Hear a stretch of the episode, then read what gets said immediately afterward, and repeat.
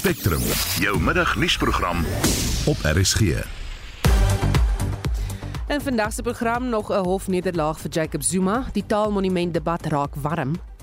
Die Kaapse Forum glo dat saambestaan en sosiale kohesie in ons land beteken dat jy vir elke groep die ruimte moet bied om hulle eie soortige kultuur in stand te hou en uit te bou. En dis hoekom ons gekant is teen die afdwing van 'n naamsverandering deur 'n minister. En 'n nuwe fynbos spesies is ontdek. Welkom by Spectrum, die span is redakteur Wessel Pretorius, produksieregisseur Daiter en Godfrey en ek is Susan Paxton. Daar is geen verkeer. In Pretoria staan 'n voertuig op die N1 Noord net na Rigelaan regterbaan gesluit daar en daar was 'n botsing op die N1 Suid by Maresburg weg 3 bane gesluit en stuur nog verkeersnuus na 45889 SMS se kos R1.50.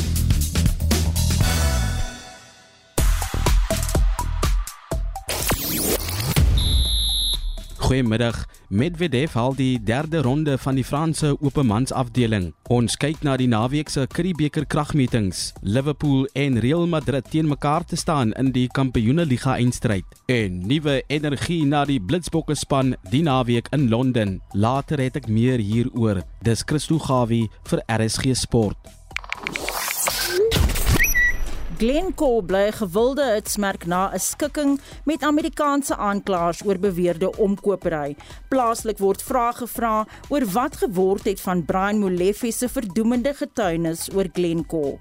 Mandisa Maya is 'n warm onderwerp nadat die regter-president van die Appelhof, oud-president Jacob Zuma se heroorwegingsaansoek verwerp het. En dan stroom die huldeblyke nog in vir die Amerikaanse akteur Ray Liotta wat op 67 jarige ouderdom in sy slaap oorlede is. Ons praat ook later in die program oor die Afrikaanse Taalmonument Harry en ons wil by jou weet sal jy protesoptrede steun indien eh, die monument se naam verander word. Stuur vir ons SMS na 45889. SMS se kos R1.50 per boodskap. Jy kan op ons Monitor en Spectrum Facebook bladsy saampraat asook op die Messenger toepassing vir ons stemnota stuur of stuur 'n stemnota na die WhatsApp nommer 076 536 6961. Dis tyd vir nog 'n mega aanbod. Met 'n MyMTN Home Uncapped 5G dataplan aangedryf deur Huawei, kry jy blitsvinnige internet met 'n 50 megabit per sekonde lyn. Dit was R999 per maand, maar nou is dit net R899 per maand oor 24 maande. Dis 'n reuse besparing van R2400 plus jy kry ook 'n gratis 5G roteerder. So gee jou lewe 5G woema. Skakel, klik of besoek 'n MTN winkel naby jou. Besin vir geld. Wat doen ons vandag? MTN. Dis my malgheid by Meatworld. Kry jou grootmaat topside malvleis teen slegs R79.99 per kilogram slegs vir hierdie naweek. Jy het reg hoor, grootmaat topside malvleis teen slegs R79.99 per kilogram alle kunstenaars. Ontwerp 'n Meatworld gelukbringer en staan 'n kans om R20000 te wen. Die wen-organisasie kan R10000 wen. Kry dus al jou studente om te begin ontwerp. Skryf nou jou ontwerp in by meatworld.co.za. Meatworld, your friendly family butcher. Moenie dat slaim in jou sinusse in 'n nat hoes jou gesinsdag bederf nie. As 'n stroopmedisyne jou keuse is, probeer gerus nuwe ACC Oral Solution, geskik vir die hele gesin van 2 jaar en ouer. ACC Oral Solution begin vinnig werk om slijm in jou sinusse en longe op te los om jou beter te laat voel. Kry dit nou by jou naaste apteek. Jy luister na Spectrum. Op RSG. 7 minute oor 12 die Reserwebank waarsku dat die vinnige stygende lewensonkoste weer tot gewelddadige betogings kan lei. Die bank het in 'n dokument getiteld Finansiële Stabiliteitsoorsig gesê dat die stygende rentekoers en inflasie gaan lei tot groter skuldvlakke onder die laer inkomste groepe. Die adjunkgouverneur van die Reserwebank, Cuban Naidu sê faktore wat moontlik kan aanleiding gee tot onrus is lankal reeds aan die opbou. We're warning about what has essentially been accumulating over the last 10 to 12 years. Like we've had almost no job growth, rising in unemployment, made much worse by COVID. And if you if you think about the July riots last year, the risks of those things reoccurring and having doing a serious damage to the structure of the economy is rising. And I think that that's what we're warning about. That it isn't a financial stability risk in the conventional sense of a bank failure or you know a large institution failing. It's the slow burn the slow decay of the social fabric that potentially threatens financial stability in the medium to long term. Naidu waarsku dat die tipe onrus ekonomiese groei in die land net verder inperk Would you invest in a large warehouse facility or in a large service business in KZN today? Probably not. because the risk of something like that reoccurring is high. And that's the long-term effect on jobs and confidence. It's not an easy situation to turn around, but it turned around it has to be. Nou, jy sê alhoewel die oorlog in Oekraïne wel gelei het tot stygende pryse wêreldwyd, was daar reeds voor die oorlog 'n stygings te bespeer. Oil prices were rising before the Russian invasion. Oil prices had crept up from about the $40 range to the $80, $85 range before the war. And since the war, it's traded between 110 and 130. So the war certainly had some effect, but oil prices were rising before that. We did not realize that there'll be such a significant impact on food prices because we didn't think that the war would run this long. We knew that Ukraine, Russia are major wheat exporters. We buy about a third of our wheat from that region, but they're also major fertilizer producers. And while South Africans had already bought fertilizer for the winter crop this year, if the war runs into the latter part of this year, then we've got to buy fertilizer for next year. And those costs mount and those costs add to the food chain in some ways. Naide wou nie homself uitlaat oor moontlike opsies wat die regering het om die situasie te bestuur nie. No, I think the Reserve Bank values its independence. We value the fact that ministers don't tell us what to do in public and so I probably should not be telling them what to do in public. En dit was die adjunkgouverneur van die Reservebank, Cuban Naidu. Dit is nog onseker of die regering gaan ingryp om 'n stygings van tot R4 per liter volgende week Woensdag af te weer. Die regter-president van die Appelhof, Mandisa Maya, het oud-president Jacob Zuma se heroorwegingsaansoek oor die verwydering van die staatsanklaer advokaat Billy Downer van sy korrupsievoer van die hand gewys. Vir die implikasies hiervan praat ons nou met 'n professor in die departement publieke reg aan die Universiteit van Pretoria, Koos Malan. Goeiemôre Koos. Goeiedag Susan. So wat het hierdie heroorwegingsaansoek behels en is so 'n aansoek 'n seldsame verskynsel in die Suid-Afrikaanse reg?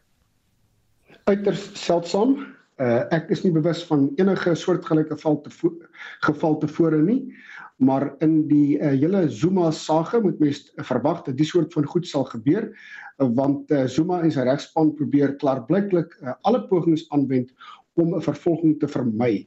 Nie om dit op meriete teen te staan nie, maar om dit te vermy. Uh presies om hierdie rede het hulle die aansoek gebring aanvanklik aan die Hooggeregshof dat uh, Downer verwyder moet word as uh, as aanklaer.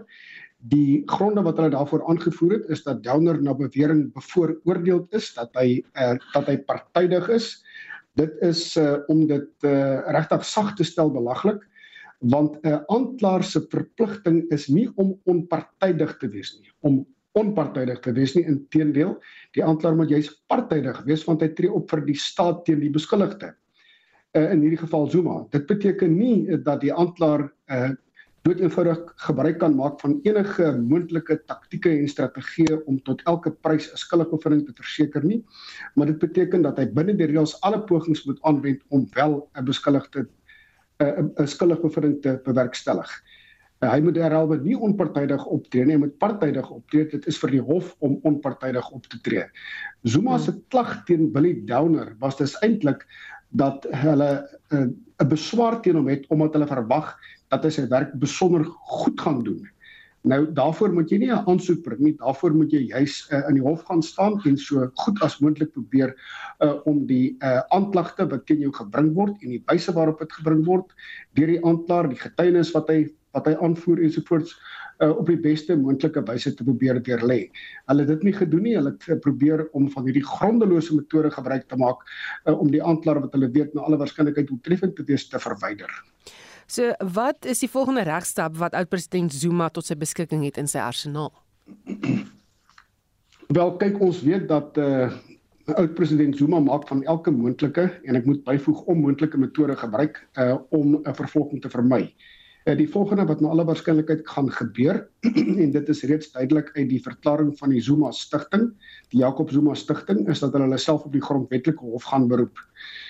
Die uh grondwetlike hof moet dan uh die uh, die die president van die van die Appelhof uh, regter Maya se se uh, afwysing van die aansoek uh, oorweeg wat die grondwetlike hof in alle waarskynlikheid gaan doen is om te sê nee, haar beslissing was inderdaad korrek. Uh dit sal egter die aangeleentheid met met 'n volgende paar maande vertraag. Daarna sal hulle met 'n volgende strategie voor die dag kom, net so grondeloos uh wat mense nou al sien en dit is die moontlikheid om 'n uh, strafklag, 'n kriminele klag teen 'n uh, Billy Downer aanhangig te maak naamlik dat hy om een of ander rede juis vanweë sy doeltreffendheid, want dit is waarop dit neerkom, uh, juis vanweë sy doeltreffendheid eintlik regsveruideling pleeg. Hy maak misbruik van die reg. Dit is die bewering wat hulle teen hom gaan maak. Uh, en dat daar op grond daarvan ehm, 'n um, strafklag teen hom aanhangig gemaak moet word. Die waarskynlike is dan dat die ehm um, dat die vervolgingsgesag gaan sê nee, daar's geen gronde om hoegenaamd om vir uh, Willie Downer op grond van die beweringe uh, wat Zuma 'n regspan maak te vervolg nie uh daarna gaan uh gaan die gaan die besluit van van die uh, vervolgingsgesag op persiening geneem word hogeregshof toe, dan na appelhof toe en dan na die hogere en dan na die na die grondwetlike hof toe. Dis nie voorspelling wat ek waag en ek dink nie dis voorbarig om dit te doen nie, want daar word van elke moontlike en onmoontlike moontlike vertragingstaktiek gebruik gemaak om die om die verhoor teen Zuma te vermy. Ek hoor jy lag so half terwyl jy hierdie goeters noem. Is, is dit vir jou besig om 'n belaglike spil te raak? Ja, absoluut so. Die rede hoekom uh, dit regtig belaglik raak is dit daar is is 'n baie interessante verskynsel.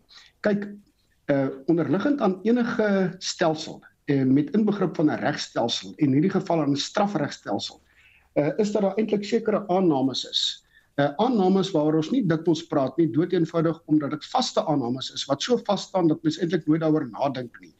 En dit is onder andere die aanname dat uh, wanneer daar prima facie getuienis is, die vervolgingsgesag sal vervolg, soos wat in hierdie geval nou wel gebeur. Maar wat vroeër nie gebeur het nie, reeds in 2005 het die destydse uh direkteur van openbare vervolgings uh ten weerwil van die feit dat daar dat daar prima facie getuienis teen Zuma was, besluit om nie te vervolg nie.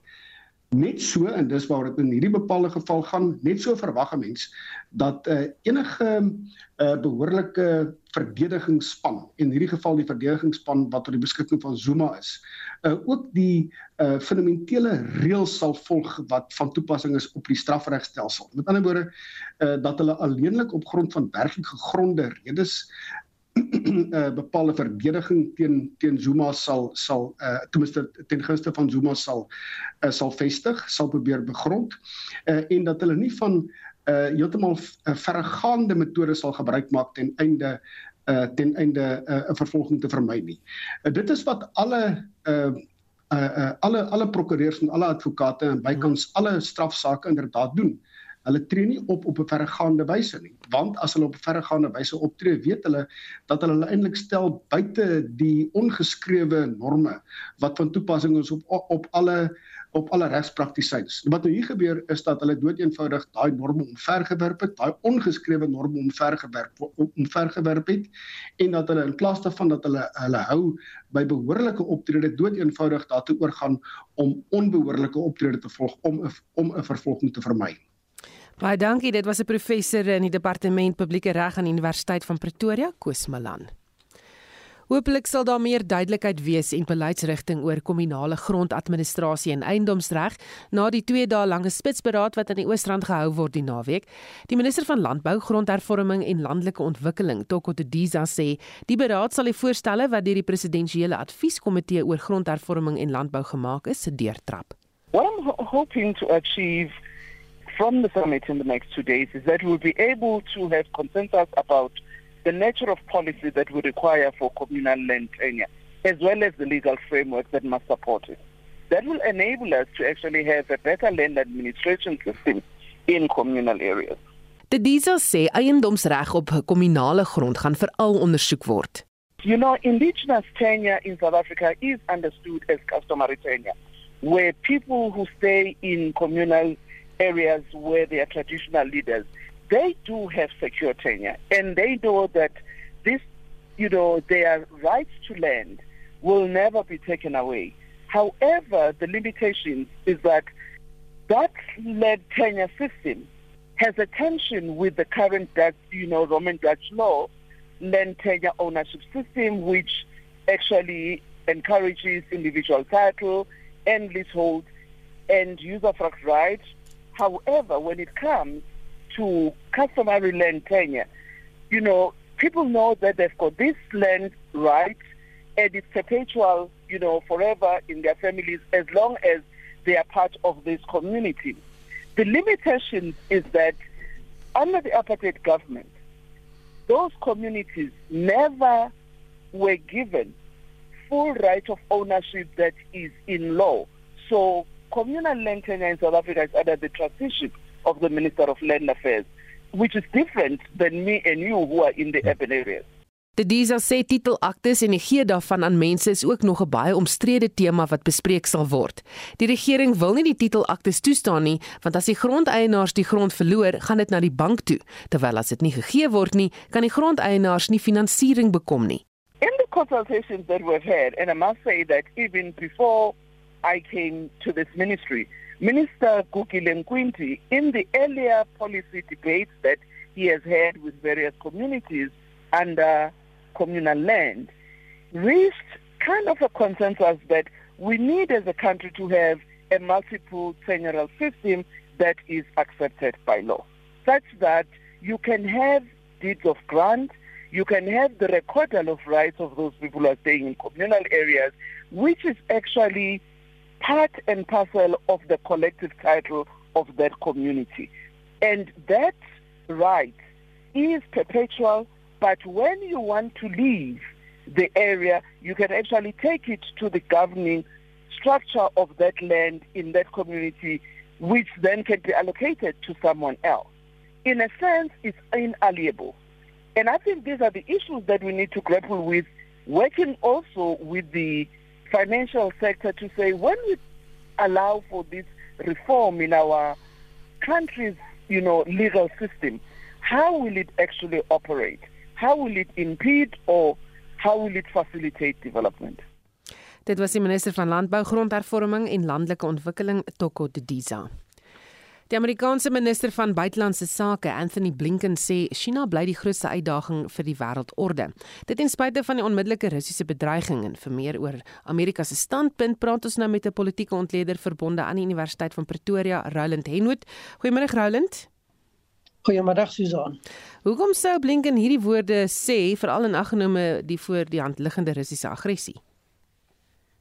Ek dink mens moet Blinken se um, woorde gaan beoordeel in terme van 'n langtermynbeskouing. Die die langtermynbeskouing is een wat gegrond is in ontwikkelinge in die verhoudinge tussen China en die VSA, maar ook China se optrede in die res van die wêreld wat veral die afgelope 5 jaar baie ehm um, duidelik verander het en en wat baie ongemak veroorsaak by 'n klomp ehm um, leiers reg oor die wêreld.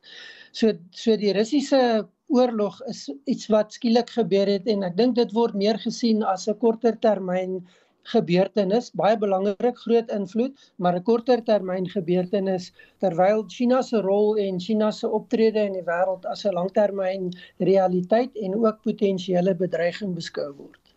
Wat sou China dan nou gedoen of gesê het om die Amerikaanse gramskappe op die hals te haal? Ek dink as twee dimensies. Die een is 'n verandering in China se optrede. Onder die leierskap van president Xi Jinping het China baie meer um, met baie meer selfvertroue begin optree, maar ook 'n baie meer baie mense beskryf dit as 'n aggressiewe buitelandse beleid begin volg en saam met dit begin optree op 'n manier wat nie versoenbaar was met die China voor Xi Jinping nie. Ehm um, dit is 'n China wat basies amper onsigbaar opgetree het, wat binne die reëls gebly het, wat nie aandag getrek het nie. Ehm um, die China van Deng Xiaoping was 'n China wat gesê het moenie moeilikheid maak nie, moenie aandag trek nie, doen jou goed en oor tyd sal jy jou doelwitte bereik. Xi Jinping is haastiger. Hy wil wys wat hy bereik, hy wil sy leierskap vestig en deel van wat hy doen het het ontwikkel in 'n buitelandse beleid wat as aggressief beskou word. Saam met dit die baie direkte gebruik van China se militêre vermoë, die ontwikkeling daarvan, die die bewyse daarvan of die wys daarvan maar ook die gebruik daarvan. Ons kyk na die die ehm um, Suid-Chinese See, die ehm um, oorname van eilande, die aggressiewe beleid wat teenoor Taiwan gevolg word en en dit is met baie sterk en direkte gebruik van militêre instrumente. Ehm um, ook die die manier hoe China Australië hanteer en tereggewys het en gestraf het toe China begin vra vra het oor COVID en die ontstaan daarvan in China. En dan dink ek laastens die manier hoe China die ooreenkoms rondom Hong Kong doeteenvoudig letterlik die rug toegekeer het en op 'n baie hardhandige manier oorgeneem het en Hong Kong maak asof dit net eenvoudig nooit bestaan het nie en deel is van die Chinese realiteit. So dit is die faktore wat wat vra laat ontstaan oor China. Dan um, uit welbeklemde dat Amerika konflik of 'n nuwe koue oorlog sover as moontlik wil verby. Hoeveel waarheid steek in die stelling? Ek dink dit is korrek. Ek dink nie dit is in in Amerika of enige iemand se belang om 'n konfrontasie met China, veral nie 'n militêre konfrontasie met China te probeer afdwing nie. Dit gaan katastrofaal wees vir almal wat betrokke is en ook vir die res van ons wat nie daarbey betrokke is nie. So dit is in niemand se belang nie. Um, ek dink ook dit is 'n aanvaarding van die VSA dat hulle nie China se opgang en ekonomiese ontwikkeling en traject gaan stuit nie maar eerder 'n uh, 'n uh, 'n uh, aanduiding dat ons respekteer China, ons gun China die ruimte en die vryheid om op te tree, maar ons gaan nie toelaat dat China oorneem en doeteenvoudig die reëls en die norme wat bestaan gaan oortree nie. En dit is 'n baie belangrike beginsel, want dit is ook onderliggend aan die konflik in Oekraïne. En dit is dat re regerings wat nie die internasionale reg en die internasionale normes en waardes wil volg nie, kan nie verwag dat daar niks met hulle sal gebeur nie. En en daarin is dink ek die boodskap wat die FSA kommunikeer.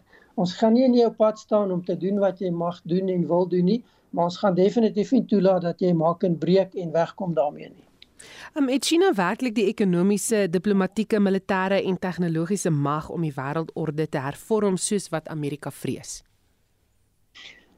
Ek dink die persepsies wat daarmee bestaan is problematies. My indruk as ek kyk na wat China doen is nie dat hulle die wêreldorde wil hervorm nie. China se versigtiging is om sy regmatige plek in te neem. Ehm um, China wil nie die VN Veiligheidsraad verander en sy veto reg prysgee nie. China wil as 'n gelyke of selfs 'n dominante bondgenoot aanvaar word. China wil nie die internasionale ekonomie oorheers nie. China wil sy ekonomie gebruik en toegang hê om handel te dryf en sake te doen. Die probleem is China wil nie die, die gelyke toegang tot sy markte gee nie. En dit is die basis van spanning, is die persepsie wat sê China wil oorneem op sy voorwaardes of deelneem op sy voorwaardes en dis nie 'n gelyke speelveld nie. Baie dankie. Dit was 'n politieke ontleder aan die Universiteit van Pretoria, Roland Henwood, en skakel Sondag tussen 8:00 en 9:00 in op kommentaar op RSG wanneer Henwood dan ook een van ons gaste is. Tydens 'n informele area vergadering oor die beskerming van joernaliste en die spesiale rapporteur oor vryheid van uitdrukking en opinie, die Verenigde Nasies se Veiligheidsraad aangemoedig om alle aanvalle op joernaliste volledig, stiptelik en onafhanklik te ondersoek. Shirin Abu Akleh, 'n verslaggewer by Al Jazeera, is vroeër van dese maand vermoor terwyl sy haar werkspligte uitgevoer het. Bianca Olifant berig. Die Verenigde Nasies se Veiligheidsraad vra vir die beskerming van joernaliste as 'n openbare platform en 'n pilaar van demokrasie. Irene Khan is die spesiale gesant vir vryheid van uitdrukking en mening. The UN Security Council must unequivocally reaffirm its call to all states and indeed all parties to a conflict to uphold their international human rights and humanitarian law obligations towards journalists. Secondly, the Security Council must strengthen the fight against impunity. It must call on states to investigate fully, promptly, and independently all attacks against journalists in line with international standards. Thirdly, both states and the international community must invest in free, independent, pluralistic, and diverse media. Volgens die komitee vir projekjoernaliste is minstens 28 joernaliste in 2021 gedurende die uitvoering van hul pligte vermoor. Tientalle is vanjaar dood, insluitend diegene wat oor die oorlog in Oekraïne berig het. Die raadsbesluit 2222 van Mei 2015 beklemtoon die noodsaaklikheid om straffeloosheid vir aanvalle teen joernaliste te bekamp. 'n Lid van CPJ se raad van direkteure, John Williams, brei uit. Scores more have faced shelling, shooting and detention as they try to shine a light on what is going on in Ukraine. Russian journalists have been pained and threatened during Moscow's crackdown on independent Russian media. Many have fled the country. For as long as journalists have been seeking the truth, there have been those determined to silence them. Murder is the ultimate form of censorship.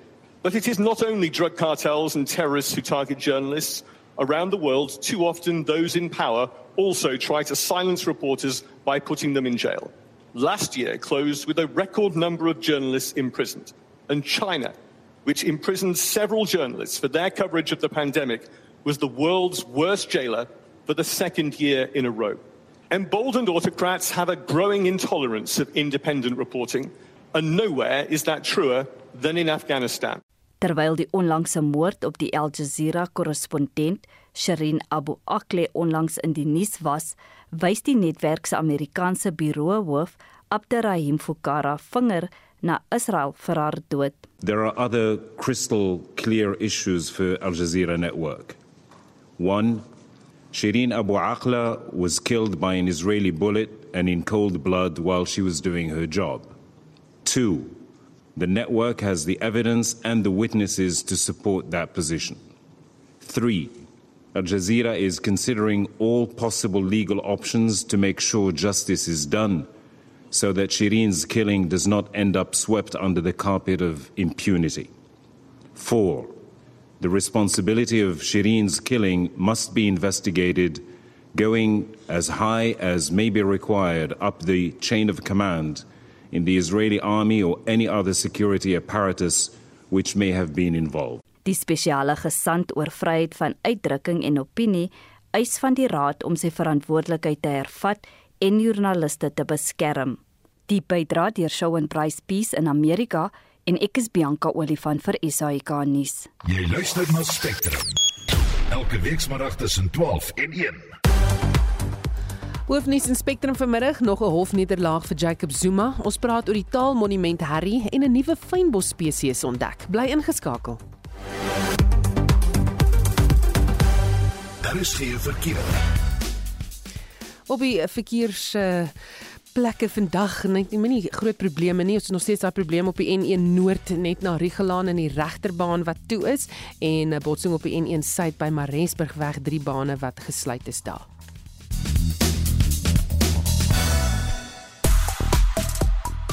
Is Christo Gawe met die jongste sportnuus.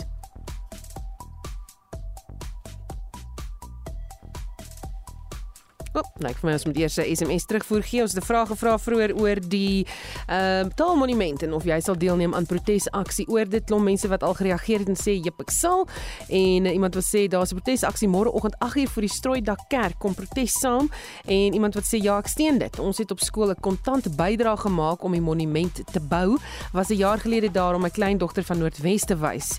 En uh, ek wonder watter jaar was dit, Marita, miskien kan jy vir ons daar tik op Facebook. En nog iemand sê ja ek sal interessant dat dit ook 'n veldtog begin om ANC monumente se name ook te verander. En nog 'n luisteraar wat vir ons sê dis uh, Kitty wat sê Kitty Supra. Daar word soveel plekke en straatname verander. Fokus daarop en los ons erfenis uit. En Denise wat sê natuurlik dis my reg ja en weer 'n ja. En dis van jou terug voor ek nog saamgesels oor hierdie vraag sal jy protes uh, optrede steun indien die monument se naam verander word. Dit is nou natuurlik oor die Afrikaanse taalmonument en bietjie later in die program praat ons oor oor hierdie storie.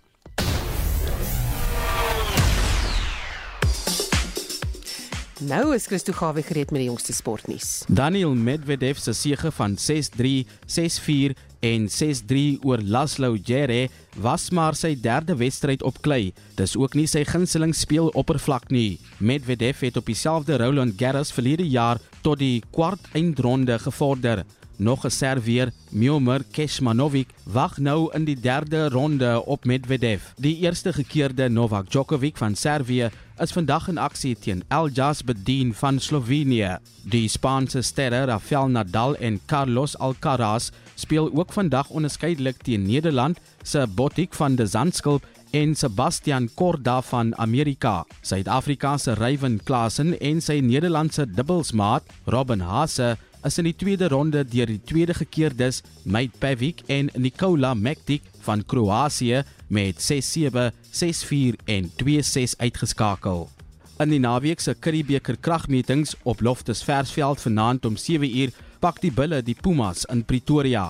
Griquas kom môre middag om 0.30 teen die Cheetahs in Kimberley te staan. Daarna sien ons die Leeu's wie desperaat is om te wen teen WP in Johannesburg om 5uur. Op die algehele punteleer is die Bulle tans heel bo met 42 punte, gevolg deur die Cheetahs met 41 en dan die Haie met 24 in die derde plek. In sokker wil Liverpool hom op Real Madrid wreek wanneer die twee Europese klubreëse in die eindstryd van die Kampioenligga môre aan teen mekaar te staan kom. Real Madrid gaan vir 'n rekord uitbreidende 14de Europese beker terwyl Liverpool hulle 7de sal jaag om gelyk te trek met AC Milan as die tweede suksesvolste klub in die kompetisie se geskiedenis. Liverpool het reeds hierdie seisoen die Liga beker sowel as die FA beker in Engeland gewen. En Saku Makata, Angelo Davids en Jordan Hendrikse het by die Blitsbokke aangesluit. Hulle vervang die beseerde JC Pretorius, Tian Pretorius en Dalvin Blad. Die Blitsbokke kom môre oggend net voor 11 teen Australië in Londen te staan. Later môre middag 20 oor 2 spook die Blitsbokke sake teen Ierland uit. Hulle laaste kragmeting vir môre middag is om 10 oor 5 teen Kenia. Christo Gawie van RSG Sport. Spectrum, jou middagnuusprogram op RSG. Gemoedere loop hoog oor die minister van Sport, Kuns en Kultuur, Natem Tetwa se aandrang dat die Afrikaanse Taalmonument en Museum se naam moet verander om Khoza sprekendes in die Parel in te sluit. Die raad van die ATM se strategiese beplanning sessie oor 'n moontlike naamsverandering gaan vandag voort. Môre sal die publiek by die saal van die Strooidak Kerk in die Parel tussen 9uur en 1uur hulle insette kan lewer. Die DA hou ook môre optog en 'n proteskonsert in die Parel en ons praat nou met die ATKV wat 'n lang verbintenis met die mon monument het. Sonel Brits is die besturende direkteur. Goeiemôre Sonel. Goeiemôre Susan. Wat is die ATKV se standpunt teenoor die weglaat van Afrikaans uit die monument se naam? Susan, ek dink dit is baie belangrik om vir mense te verduidelik dat die Afrikaanse kultuurlandskap 'n diverse en komplekse landskap is. Ons het 'n lang verbintenis met die museum en die monument en ons het 'n strategiese vennootskap wat ons al oor die laaste paar dekades uitleef en dit was vir ons wonderlik om nog altyd baie welkom te voel en om te kon demonstreer hoe divers hierdie samestelling van hierdie Afrikaanssprekende gemeenskap is en hoe ons brûe kon bou en mense bymekaar kon bring daarteen Parelberg om regtig ons kennis en ons kreatiwiteit met almal te kon deel as 'n breë Afrikaans sprekende gemeenskap. Ek dink om 'n naam weg te laat is bloot onnodig. Ek dink regtig nie dit gaan enige waarde toevoeg nie. Ek dink dit is baie belangriker dat ons met mekaar gesprekke moet hê, dat ons ons kultuur moet deel, dat ons ons kreatiwiteit moet deel en dat ons so die brûe moet bou wat ons weet kultuur kan bou om die land vorentoe te neem. Beskou julle minister Natim Tetwa se voorstel dat die woord Afrikaans weggelaat word as 'n aanval op Afrikaans? Ek dink nie ons moet dit op hierdie stadium alreeds 'n aanval noem nie. Ek dink 'n mens moet dalk eerder praat rondom 'n oningeligte opmerking of dalk nie 'n mooi verstaan van die kompleksiteit van ons Afrikaanssprekende gemeenskap nie. En ek dink ons moet die geleentheid gebruik om dit te demonstreer, soos wat die ATKV ook oor die afgelope twee dekades reeds doen. Ons reeldans kompetisie is 'n wonderlike voorbeeld van waar ons mense uit verskeie gemeenskappe bymekaar gebring het by die taalmuseum en monument en waar ons kon demonstreer hoe wonderlik hierdie diversiteit in ons kultuurlandskap is. Hmm. Sal die ATKV in gesprek tree oor die aangeleentheid met die minister? Ons sal bereid wees om definitief met hom te gesels. Baie dankie. Dit was die bestuurende direkteur van die ATKV, Sonel Brits. Ons praat nou ook met die uitvoerende voorsteur van die burgerlike organisasie Kaapse Forum, Forum Eder, Hendrik Weingart. Goeiemôre, Hendrik.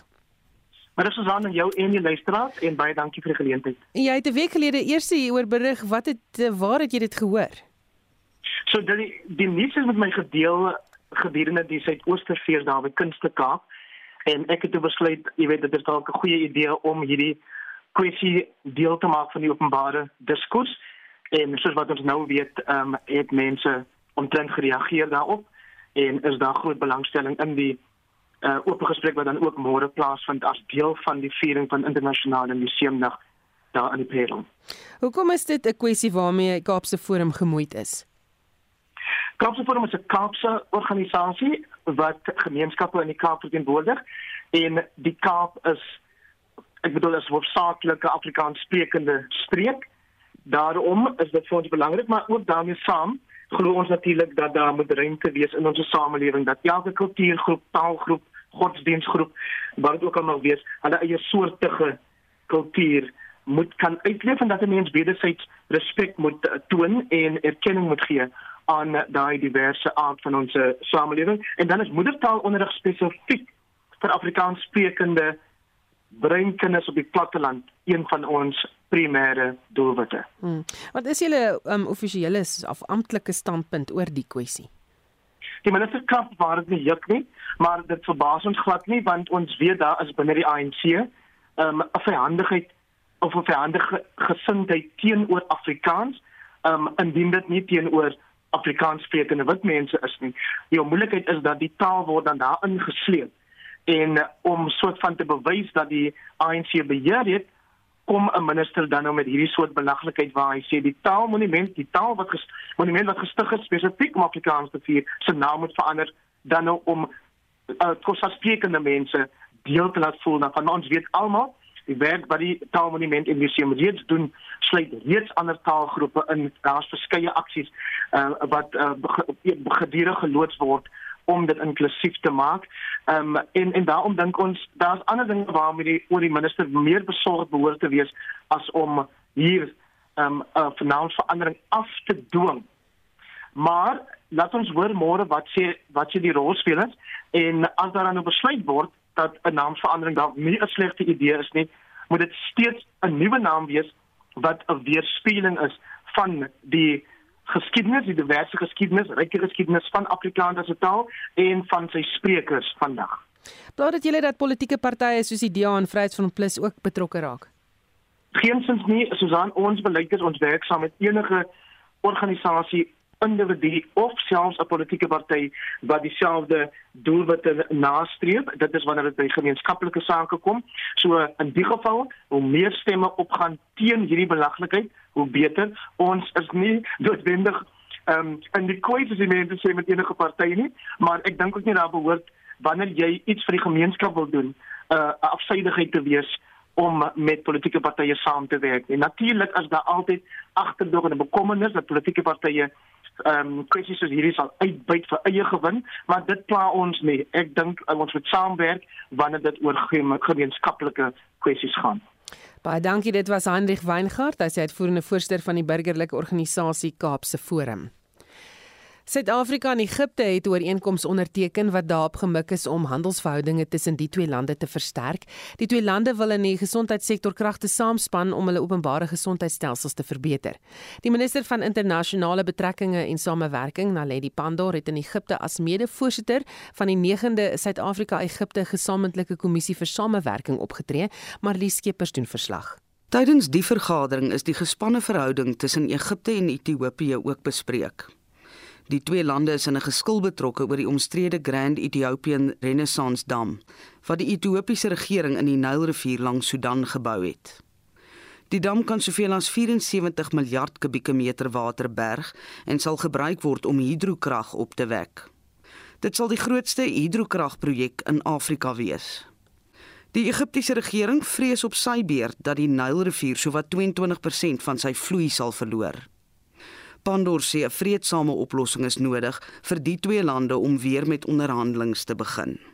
You might recall that in 2020 during negotiations when South Africa was chair of the African Union a great deal of progress had been made in discussing the form of agreement that all three countries would be satisfied with. It was right in the last mile of agreements where the talks broke down. And we think AU has a responsibility to ensure that it concludes those discussions because we must have an outcome. Die twee lande het ooreengekom om saam te werk om hul ekonomiese en maatskaplike belange te bevorder. We also have agreed that the area of arts is extremely important and we wish to draw on the experience of Egypt with building fantastic cultural institutions such as the Museum of Civilizations, the Alexandria Library, and many others. examples of progress in the arts and culture domain. We also, of course, want to draw on sports. As I said, we want to beat Al Akli one day.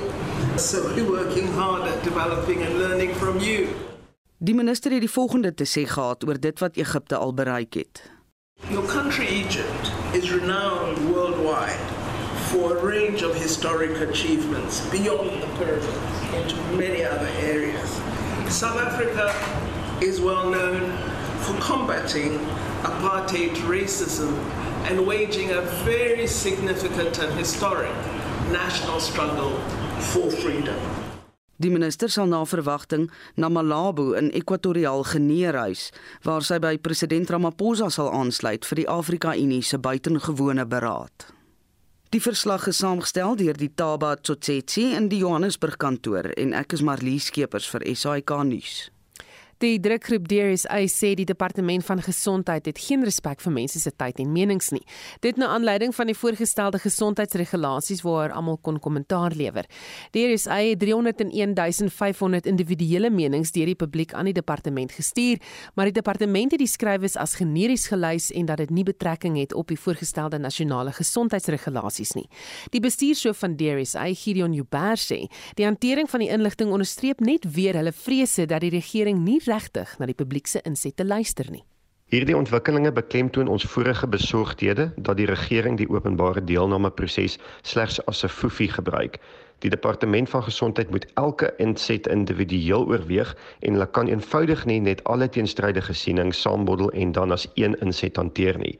Sulke misbruik van die proses voorspel niks goed vir die gesondheidswetregulasies tans onderworpe aan openbare deelname nie.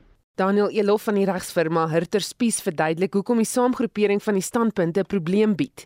Die feit dat die minister van gesondheid en die departement van gesondheid eenvoudig die duisende submissies wat deur is eie gefasiliteer het deur hul platform oor die gesondheidsregulasies as een generiese groep en mening groepeer, plaas 'n groot vraagteken oor die legitimiteit van die openbare deelnameproses van die gesondheidsregulasies dit is kommerwekkend dat eerder as om met die inhoud van die elke submissie te handel en dit behoorlik te oorweeg, hulle dit eenvoudig as een groot groep verontagsaam.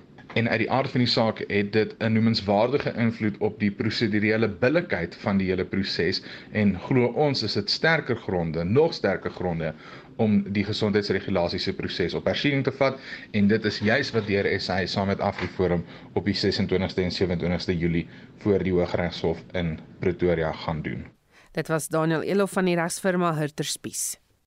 'n Nuwe fynbos spesies is ontdek op die Agulhas vlakte in die Oeverberg. Die fynbos word genoem die nuwejaarslelie en ons praat nou met die projekbestuurder Ros Kettels oor die nuwe fonds. Goeiemiddag Ros. Goeiemiddag Susan. Wat 'n wonderlike nuwe ding om 'n nuwe plant te kan ontdek. Ons is baie opgewonde daaroor, dankie. Um hoe lyk hierdie plant? Wel dit lyk amper soos die Bredasdorp lelie wat um, wat 'n susterplant is, maar sy uh, uh petals is pink en wit. So hy's nie so rooi soos die Bredasdorp lelie nie. En hoe het julle bevestig dat dit wel 'n nuwe spesies is? Wel wat eintlik gebeur het as ons teruggaan en kyk hoe dit gebeur het. Ehm um, van ons staf was uit op 'n omgewingsopvoedingsuitstappie. En ehm um, een van ons lede, Leon Gelom, het die plant gesien en ehm um, dit het nie vir hom bekend gelyk nie en ook nie vir Sharon Brink en Lisbeth Willemse wat saam was nie. En toe die hele storie begin, maar natuurlik was lockdown nou het gebeur so die resultate het nou uit, nou eers uitgekom. En waar presies is hierdie plant gevind? Dit is op die nuwejaars ehm uh, vlei lande gevind wat op die Agulhas plein is. So in die nuwejaars spesiale bestuursgebied. Oh. Naby uh, Agulhas in Bredasdorp. Hmm. Hoeveel plante is daar? Is dit 'n bedreigde spesies? Dit gaan as bedreig bes, uh, beskou word. Ehm um, en dit kom op 'n klein stukkie, omtrent 'n 5 vierkante kilometer stukkie en ons vermoed daar's minder as 250 plante. Ja, is nie baie nie. Ehm um, dink julle daar's nog soortgelyke plante wat wag om ontdek te word? Die soort of ander plante? Enige tipe plant. Wel, ek ek is seker hier's nog baie plante. Hierdie Agulhas uh, plein is so divers. Ek is seker hier's nog baie plante en en goeters wat ons gaan ontdek in in die tyd wat kom. Ons sê ons gaan uh, julle fyn dop hou om te sien hoe dit ontwikkel. Baie dankie. Dit was die projekbestuurder Raskettels wat gepraat het oor die nuwejaarslelie wat pas aangeteken is in die Oevenberg, 'n splinter nuwe fynbosspesies. Intussen wou ons by jou weet, dink jy die weermag se begroting moet vergroot word? Nee asseblief, moet nie vir die weermag 'n sent meer gee nie. Inteendeel, sny hulle begroting met ten minste die helfte. Hulle kan nie ons eie grense beveilig nie, never mind nog ons inwoners. Ek glo nie hulle moet uh geld weer so baie bydra nie, want dit gaan net alles weer gesteel word. Ek kort nog net 11 miljoen, dan gaan ek die weermag koop, en gaan kom toemaak. Wat is jou brandpunt? Brandpunt Weksmiddag tussen kwart voor 6 en 6 uur net op RSG. Brandpunt. Marlies Skeepers het vir ons die nuus en ontwikkelende stories van die afgelope uur dopgehou. Die adjunkpresident van die Reserwebank, Cuban Naidu, sê die finansiële besteding bes, ekskuus, bestendigheidsoorsig toon dat stygende lewenskoste tot groter skuldvlakke onder lae inkomste groepe gaan lei. Hy het ook die volgende vermaaning gehad. We had almost no job growth, rising in unemployment made much worse by COVID. And if you if you think about the July riots last year, uh, the risks of those things reoccurring and having doing a serious damage to the structure of the economy is rising. Oud-president Jacob Zuma se heroorwegingsaansoek om die staatsaanklaer advokaat Billy Downer van sy korrupsieverhoor te verwyder, is deur die regter-president van die Appelhof Mandisa Maya verwerp. Professor Koos Malan van die Departement van Publieke Reg aan die Universiteit van Pretoria verduidelik wat Zuma volgende gaan doen dat hulle hulle self op die grondwetlike hof gaan beroep. Die uh, grondwetlike hof moet dan die president van die appelhof, regter Maya se uh, afwysing van die aansoek uh, oorweeg. Wat die grondwetlike hof in alle waarskynlikheid gaan doen is om te sê nee, haar beslissing was inderdaad korrek. En China hou volgens Amerika die grootste bedreiging vir die wêreldorde in. Ons het met die politieke ontleder Roland Henwood van die Universiteit van Pretoria gepraat oor die minister van buitelandse sake Anthony Blinken se uitlatings. Ek dink nie dit is in in Amerika of enige iemand se belang om 'n konfrontasie met China, veral nie 'n militêre konfrontasie met China te probeer afdwing nie. Dit gaan katastrofaal wees vir almal wat betrokke is en ook vir die res van ons wat nie daarbey betrokke is nie. Ek dink ook dit is 'n aanvaarding van die FSA dat hulle nie China se opgang en ekonomiese ontwikkeling en traject gaan stuit nie, maar eerder 'n aanduiding dat ons respekteer China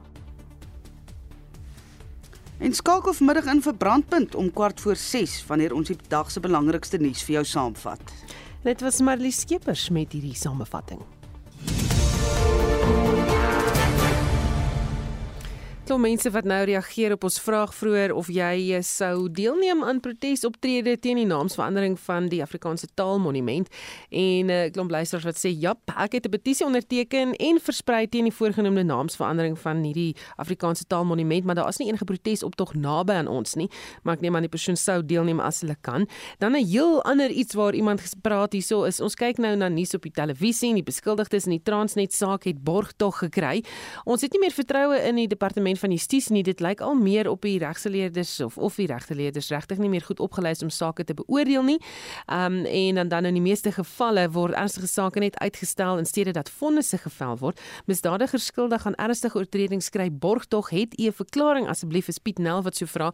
Piet, ek gaan kyk of ek dalk miskien 'n uh, antwoord kan kry op jou vraag en of daar waarheid steek in jou aanname dat uh, die um, regsgeleerders nie behoorlik opgelei is nie en of dit net 'n basiese regsproses is waardeur mense gaan wat aangekla word en uh, dan 'n uh, opsie het om borgtog te kry. So ek gaan uh, kyk of ons dit vir 'n brand brandpunt kan beantwoord en word dit sommer jou brandpunt uh, vraag vir die dag. En uh, nog 'n klomp mense wat sê um, dit is uh, baie belangrik dat ons nou belangrik belaglike naamsverandering stop sit. Dis nou of nooit. Um, waarom waar kom 'n minister wat duidelik disconnected is en aanhalingsteking is met die werklikheid om so iets te besluit? Hy het nie vaagste benul van wat die monument se groter betekenis is nie. Nog 'n klomp mense wat uh, dan ook sê maar ons sal verseker deelneem aan so 'n tipe van 'n optog of 'n protes optrede sou ons die geleentheid kry of kry. En uh, nog iemand wat sê uh, wel dit hang af. Dis Andries RW wat sê dit hang af watter naam in gedagte is. As dit Afrikaans as 'n inheemse taal kan versterk, dan sal ek positief daarna kyk. Soos interessante uh, uitkyk op hierdie vraag wat ons het. En Poppy van 4 en wat sommer net met 'n sê maar breek net hierdie monument nou liewer af. Onthou vorige uitsendings van Monitor Spectrum Brandpunt Naweek Aktueel en kommentaar is op RC se webblad as 'n potgooi beskikbaar. Gaan net na www.rc.co.za. Ons groet namens ons uitvoerende regisseur Nicoline de Wee, ons redakteur is Wessel Pretorius en ons produksieregisseur Daitrin Godfrey. My naam is Susan Paxton. Geniet jou middag.